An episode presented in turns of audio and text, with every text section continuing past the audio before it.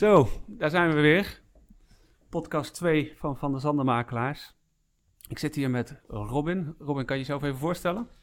Ja, ik ben eh, Robin Trumpy, eh, werkzaam bij eh, Van de Zandermakelaars als woningmakelaar en taxateur. Hoe lang nu?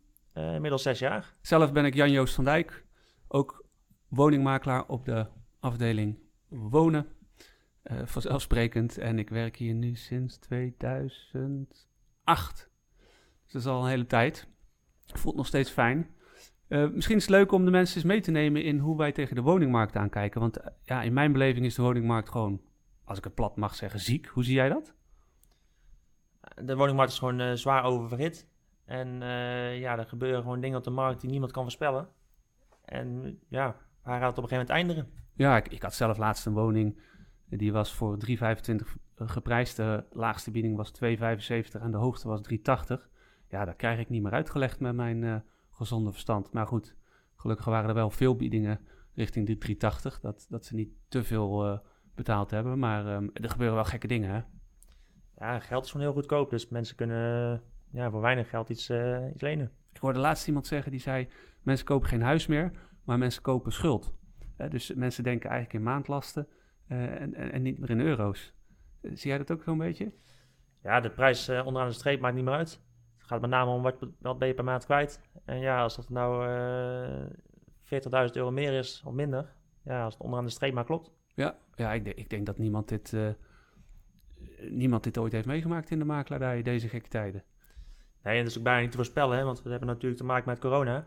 En eh, toen het vorig jaar uitbrak, toen verwachtte iedereen een daling in de prijs, maar hebben we eigenlijk niks van gemerkt, toch? Nee, tegendeel denk ik. Hè? Dus, zeker door corona ja, is, is die tijdsinspanning van, eh, van de makelaar groter geworden. Maar, en, maar, maar ook ja, nog minder transparant, terwijl de politiek juist wil dat, dat het transparanter wordt. Eh, wat ik ook wel kan begrijpen. Maar ehm, ja, je, je hebt geen kijkuren meer waar je ziet eh, eh, wie, wie, wie, je, wie je concurrenten zijn. Want het zijn natuurlijk exclusieve bezichtigingen. Ja, maar, maar ja, hoe, hoe, wat denk jij? Hoe lang gaat dit nog door, deze gekte? Nou, dat zal voorlopig niet afnemen, denk ik. De, ook mede vanwege corona hebben mensen andere woonmensen. eh, waarbij vaak een extra kamer gewenst is, of een eh, werkruimte, of eh, een aparte studio. Ehm, ja, dat zal voorlopig nog even aanblijven. Eh, de krapte op de markt is nog groot. Eh, er is veel meer vra- eh, vraag dan aanbod. Ja. Rente is nog laag. de gemeente hier in Breda wil natuurlijk heeft wel grote plannen om veel bij te bouwen. Maar ja, voordat dat er is, dus denk ik, ja, ik weet niet hoe jij dat ziet, maar eh, ja, dat staat er niet volgend jaar allemaal. Nee, er is grond genoeg, maar eh, de plannen zijn vaak eh, verspreid over tien jaren. Ja. Nou, dan heb je nog rente, is natuurlijk in mijn beleving van invloed. Ja. Eh, die, die is laag. Ja, ik denk ook niet dat die enorm kan gaan stijgen de, de komende tijd. Dan, dan, dan, zou, dan zou er een groot probleem zijn in, in ons land en misschien wel de wereld.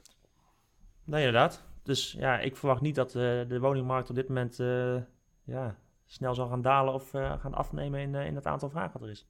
Ja, dat is best, dat is best een, een gevaarlijke ontwikkeling dan. Ja. Ja.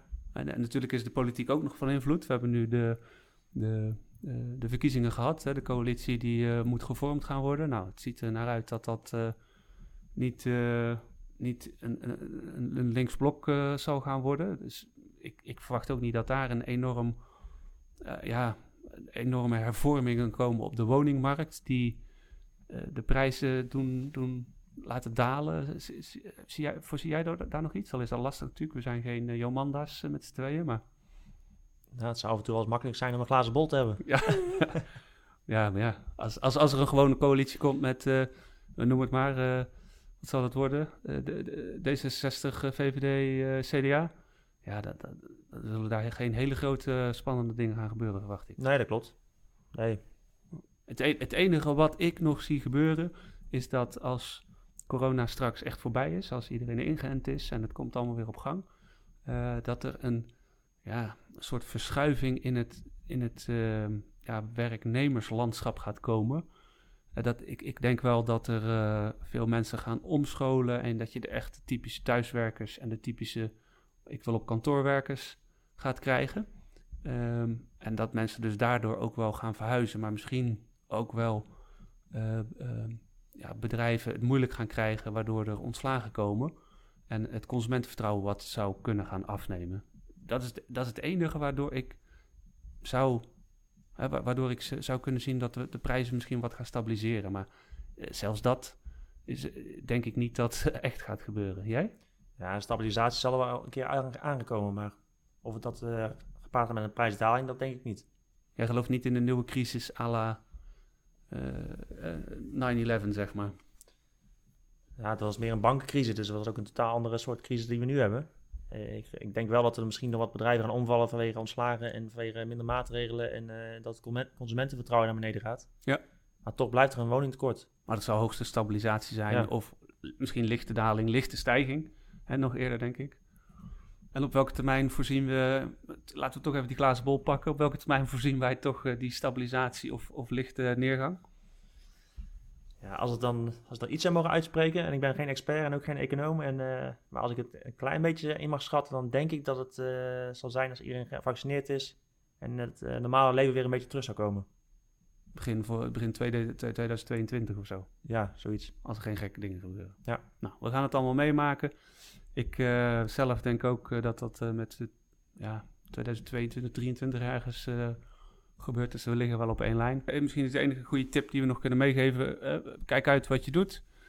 Um, doe geen gekke dingen. Schakel een specialist in. veel mensen kopen niet heel vaak een woning. Nou, dat is ja, ik verbaas me er nog vaak genoeg over dat mensen dat dan toch zelf doen. En niet specialisten schakelen, want het gaat om heel veel geld. Dus we praten daar graag een keer met je over verder. Ja, en koop niet zomaar iets om te kopen. Blijf wel bij jezelf. En uh, ja, is het vandaag niet, er zijn er morgen altijd nog kansen. Ja, ja ik merk ook dat heel veel mensen hun, hun zoekgebied of, of focus verbreden om dan maar wat te vinden. Hè? Dus eigenlijk dat ze keuze B, eigenlijk C, soms wel D kopen. Dus ik denk dat het een goede tip is die je geeft ja, probeer gewoon voor keuze A te gaan, want het is een belangrijke aanschaf die je doet. Het is een hoop geld dat je uit gaat geven. Ja, voor vele jaren als het ja. is. Ja. Nou, nogmaals bedankt. Geef tips, tricks uh, voor een volgende podcast. En uh, ja, graag tot de volgende. Zet hem op vandaag.